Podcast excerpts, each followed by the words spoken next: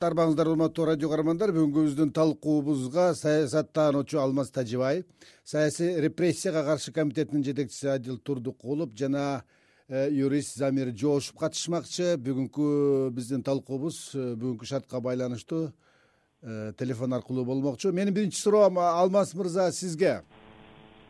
Бар болуңуздар.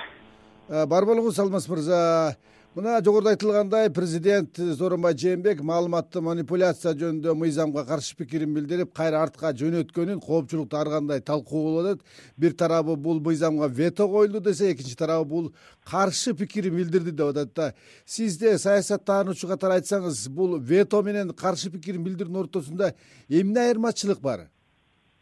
Негизи вето деген бул саясий кандай бир чечимдерге тыюу салуу болот да. Анан ошонун түрүндөрүндө өзүнүн түрлөрү болот. Күчтүү же абсолюттуу ушундай бир алсыздык ветолордун түрлөрү болот. Биз кыргыз республикасында болсо бизде жанагындай алсыздык суспендик деп коет. Ошондой бар. Биздин регламент бар жогорку кеңеште. Кайта кайрылганда бул конституцияда президенттин укугу бар алтымыш төртүнчү беренесинде анан ошонун алдын алып кеткенде эгерде жогорку кеңеш макул болсо анда бул мыйзам эме четке жокко чыгат да же макул болбосо анда жогорку кеңештеги экиден үч добуштан өтүш керек да ветоны ветодон чыкканы. Бирок биз билебиз маалымат боюнча бул макулдуу топ менен түзүлөт. Э, анткени мен президент жактан анан э, жогорку кеңеш жактан ошо эксперттер отуруп э, кийин кайта жогорку кеңешке чыгарып долбоор катары эле ошондой бир сүйлөшүп чыкса анда президент ага кол коет. Анан эгерде жанагы акыркы президенттин кайрылуусу боюнча менин боюнча бул долбоорду колдоп атат. Анткени президент өзү ачык эле айтты. Ошондой бир кандай бир манипуляция боюнча фейктерге же алдамгоо адамдарды алdoого мен э, каршымын депчи ошон үчүн бул мыйзам керек деп айтып атат. Ошондуктан бул мыйзамды эки тараптан президенттин аппаратынын адистери жана жогорку кеңештин аппаратынын адистери ошол макулдаш топ менен бир добуш менен бир чечимге келиш керек Э, кийинки менен э, адил мырза сизге да э, президенттин аталган мыйзамга каршы пикирин билдирүүсүнө айрым укуктук маселелер жүйө болдубу же баягы акыркы күндөрдөгү коомчулуктун жарандык коомдун мындай байма бай өткөрүлгөн реакция реакция кылган акциялары себеп болдубу? Сиз кандай ойлойсуз? Эми биринчиден шайлоо маалында президенттик болобу же парламенттик болобу же референдум конституцияны өзгөртүү планы болгон э, жылдары ушундай дайыма болуп келген да. Э, граждандык коомго басым массалык маалымат каражаттарын тизгиндөө аракеттерди активисттерди мындай э, укук коргоо органдарына чакыруу ошол эле көрүнүш кайрадан эле кайталанып жатат. Ошондуктан жанагы блогер активисттерди укмк чакырып массалык маалымат каражаттарын сотко берип э, кээ бирлерин сабап э, тоноп эметип атканы дагы э, түздөн түз бирдиктүү бир процесс катары карайт элем да деги эле ошол мыйзам бул жеке ушул асылбаеванын демилгеси эмес. Менин оюмча бул түздөн түз мурунку ыкма катары колдонулуп келет. Үч түртүдөн президент аппаратынан түшкөн.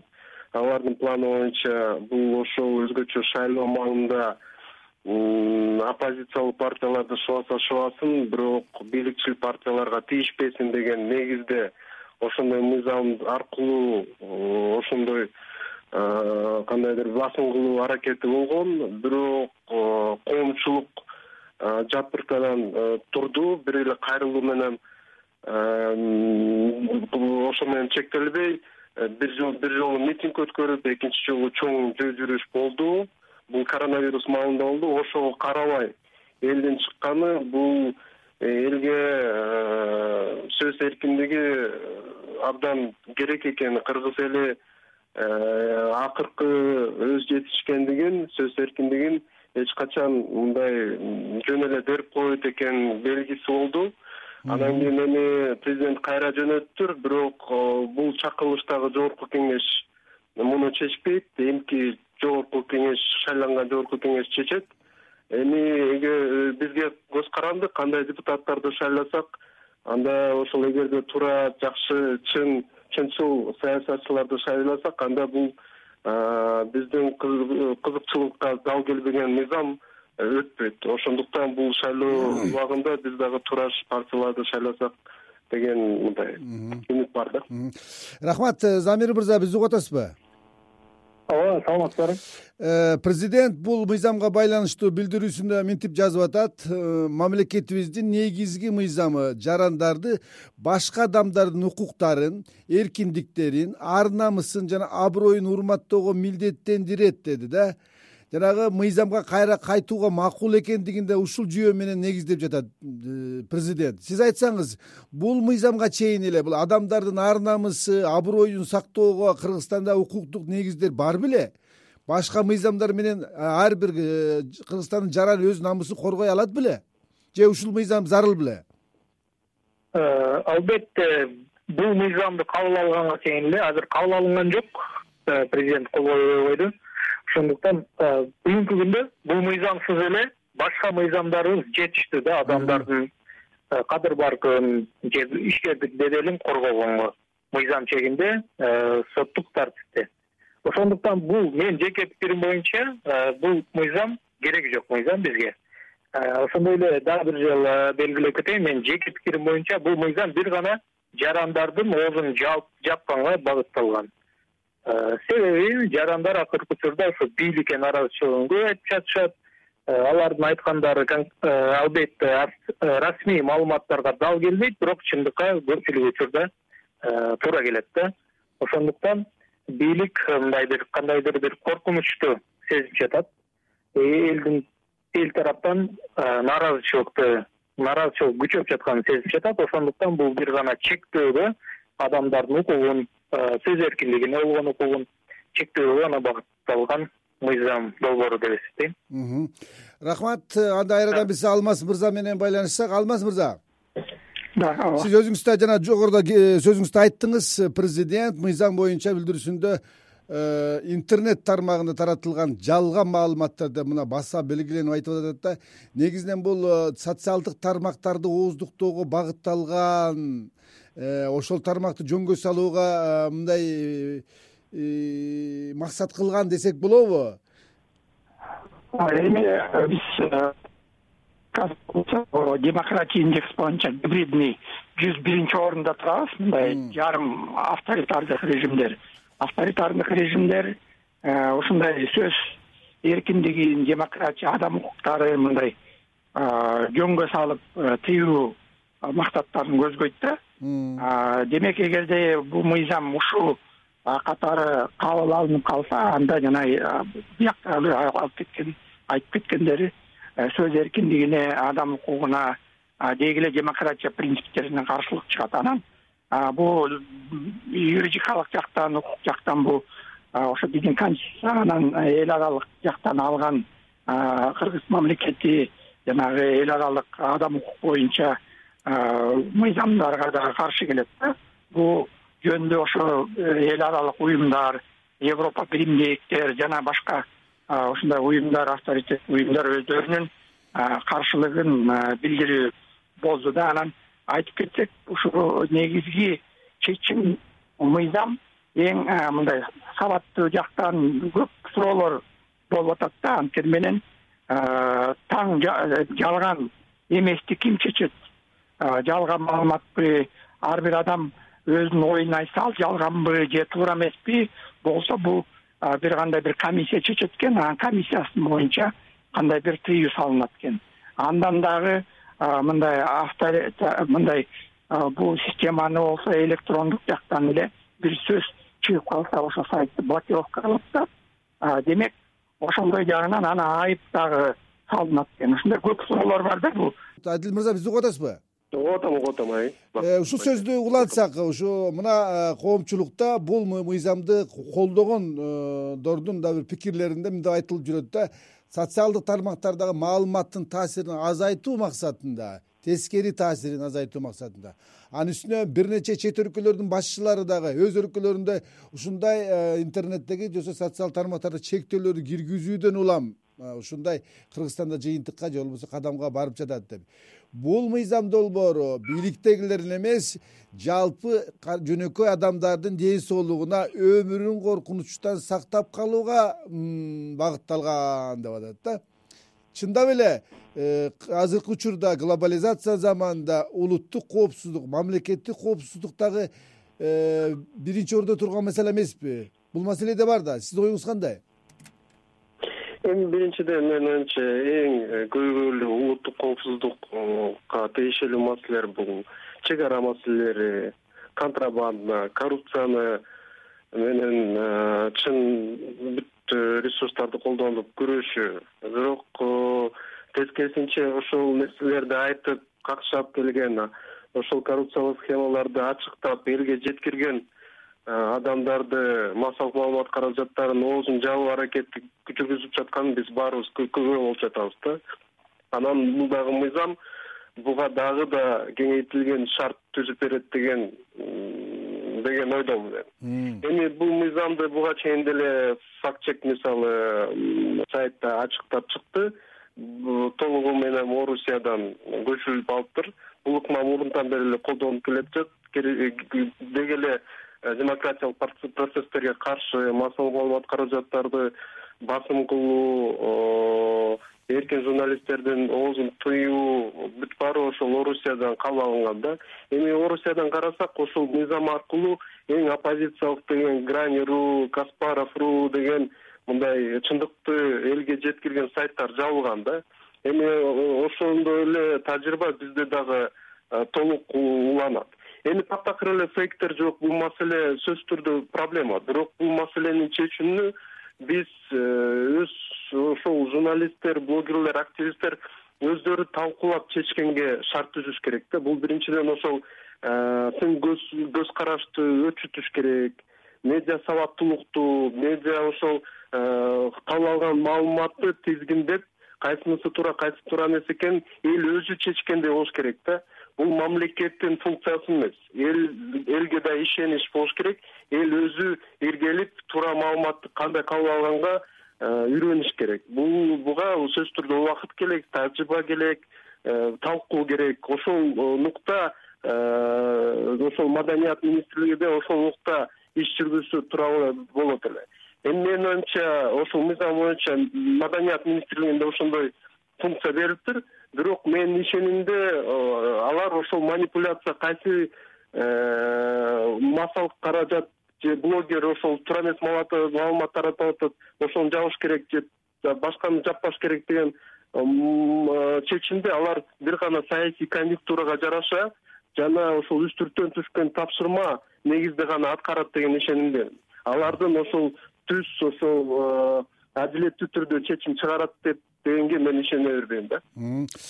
Замир мырза ушул сөздү дагы биз улап берсеңиз мына э, фейк деген же болбосо жалган маалыматтын кесепети э, жалпы коомго үй бүлөгө жамаатка э, бир өрөөнгө бир улуттун өзүнө катуу тийип аткан мезгилде ушуларды укуктук жактан жөндөө үчүн бизде да эмерик укуктук негиздер жетиштүүбү? Же болбосо кайсы бир мыйзамдарга толуктоолорду өзгөртүүлөрдү киргизиш керек деген ойдосузбу? Мен мындай деп айтмакмын да. Бүгүнкү күндө бизде эң сонун мыйзамдар бар. Мисалы ошол эле улуттук коопсуздукту коргоого багытталган э. жазык кодексинде э, конкреттүү беренелер бар. Мисалы улуттук кастыкты же диний кастыкты козутууга козуткандарга карата жоопкерчилик каралган.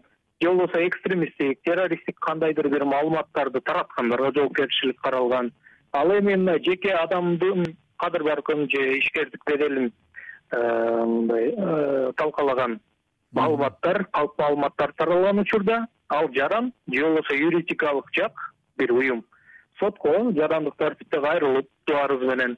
Ошол калп маалыматты сотто далилдеп калп экенин жана аны жокко чыгарганга мүмкүнчүлүгү бар. Андан сырткары компенсация талап кылса болот дегеним э, бизде эң сонун мыйзамдар бар ашыкча мыйзамдардын кереги жок. Андан көрө азыр э, кантип ушул элдин э, муктаждыктарын канааттандырыш керек? Ошол жөнүндө ойлонуш керек да жогорку кеңеш өкмөт жана президенттин аппараты. Анан каяктагы бир элдерди чектеген элдердин тескерисинче кыжырын кайнаткан мындай мыйзамдарды ойлоп таппайт. Бул мыйзам негизи мындай башталышы да. Бул мыйзам кабыл алына турган болсо анан жазык кодекске өзгөртүүлөр киргизилет ал жерде кандайдыр бир соц тармакта жазган ой пикириң үчүн дагы жоопко тартыла турган беренелер сөзсүз кирет. Бул россия федерациясында мисалы коңшу э, жакын турган өлкөлөрдүн россия федерациясын мисалга келтирсем ал жакта мындай практика буга чейин эле э, болуп келген. Биздин өлкө э, практикада баарыбыз билебиз россиянын артынан ээрчип баратат көпчүлүк маселелер боюнча азыр биздин э, талкууда бул э, мыйзам э, кайрадан келсе анын тагдыры кандай болот? Кабыл алынса анын келечеги кыргызстанга тийгизер мындай пайда зыяны канчалык деген маселе дагы талкууга алынып жаткан кез. Алмаз мырза сиз айтсаңыз бул мыйзамдын тагдыры кандай болот деп ойлойсуз? Мына көпчүлүктүн пикиринде жетинчи чакырылыштын депутаттарына кабыл алынары айтылууда кабыл алынып калса кыргызстандын жалпы демократиялык аброюна канчалык э, э, пайда зыяны тиет? Жалпы мыйзамдуулукту бекемдөөгө канчалык пайдасы тиет деген суроолор бар эмеспи? Алло алмаз мырза бизди угуп атасызбы адил мырза бизди уктуңузбу? Э, алмаз мырзанын ордуна жооп бере берейин. Жооп бере берсеңиз менин суроом сизге түшүнүктүү болду да түшүнүктүү болду эми толук бойдон э, ошонун тагдыры кийинки жогорку кеңештин чакырылышына жараша болот бул жерде ал жака көбүн эсе бийликчил ошол э, жаланган олигархтар өзүнүн гана ошол үстүртөн түшкөн тапшырмаларды аткарган азыркы депутаттар сыяктуу курам келсе анда бул мыйзам жана башка дагы э, сөз эркиндигин чектеген жарандык коомдун ишмердүүлүгүнө чектөө койгон мыйзамдар дагы деле кабыл алына берет анткени ошол э, шайлоо өткөндөн кийин э, эмки процесс башталат да бул президенттик шайлоого даярдык. Ошондуктан өз кандидатын өз талапкерин өткөрүү үчүн бийлик дагы ошол э, оппозициялык көз карашты билдирген басылмаларды чектөөгө жана оозун басууга аракеттер боло берет жана мыйзам негизде дагы мындай мыйзам чыгаруу аракеттери аркылуу боло берет деген ойдомун ошондуктан биз э, эң негизгиси азыркы этапта жеңиш болду утурумдук жеңиш болду деп эсептейм. Эми эң негизгиси биз ошол азыркы шайлоо этабында ошол партиялардын курамы ким экени алар азыркыга чейин кандай мыйзамды кабыл алганы ошол эле мисалы манипуляция мыйзамына кол койгон ошону колдогон депутаттарды колдогонго чакырат элем мен шайлоочуларды анткени эгерде ошолор өтүп кетсе анда алар кайрадан эле ошол бийликтин чечимин аткара берет. Орустун жанакы мамдума сыяктуу эле копированный э, машина сыяктуу алар түшкөн гана мыйзамдарды э, аткара беришет деген ой бар да а биз болсо ошол э, жогорку кеңеш өзү ошол жеткирип элдин талабын талашкан депутаттар келсин деп атпайбыз. Ошондуктан биз буга көбүрөөк ошол басым жасасак көңүл бурсак деген ниет да үмүт рахмат. Биз алмаз мырза менен кайра байланышабыз. Алмаз мырза угуп атасызбы бизди? Ооба угуп атам. Сиз бул мыйзамдын э, келечегин кандай көрөсүз? Э, кабыл алынат деп ойлойсузбу? Кабыл алынып калса бизге кандай пайда зыяны тийиши мүмкүн? Элге.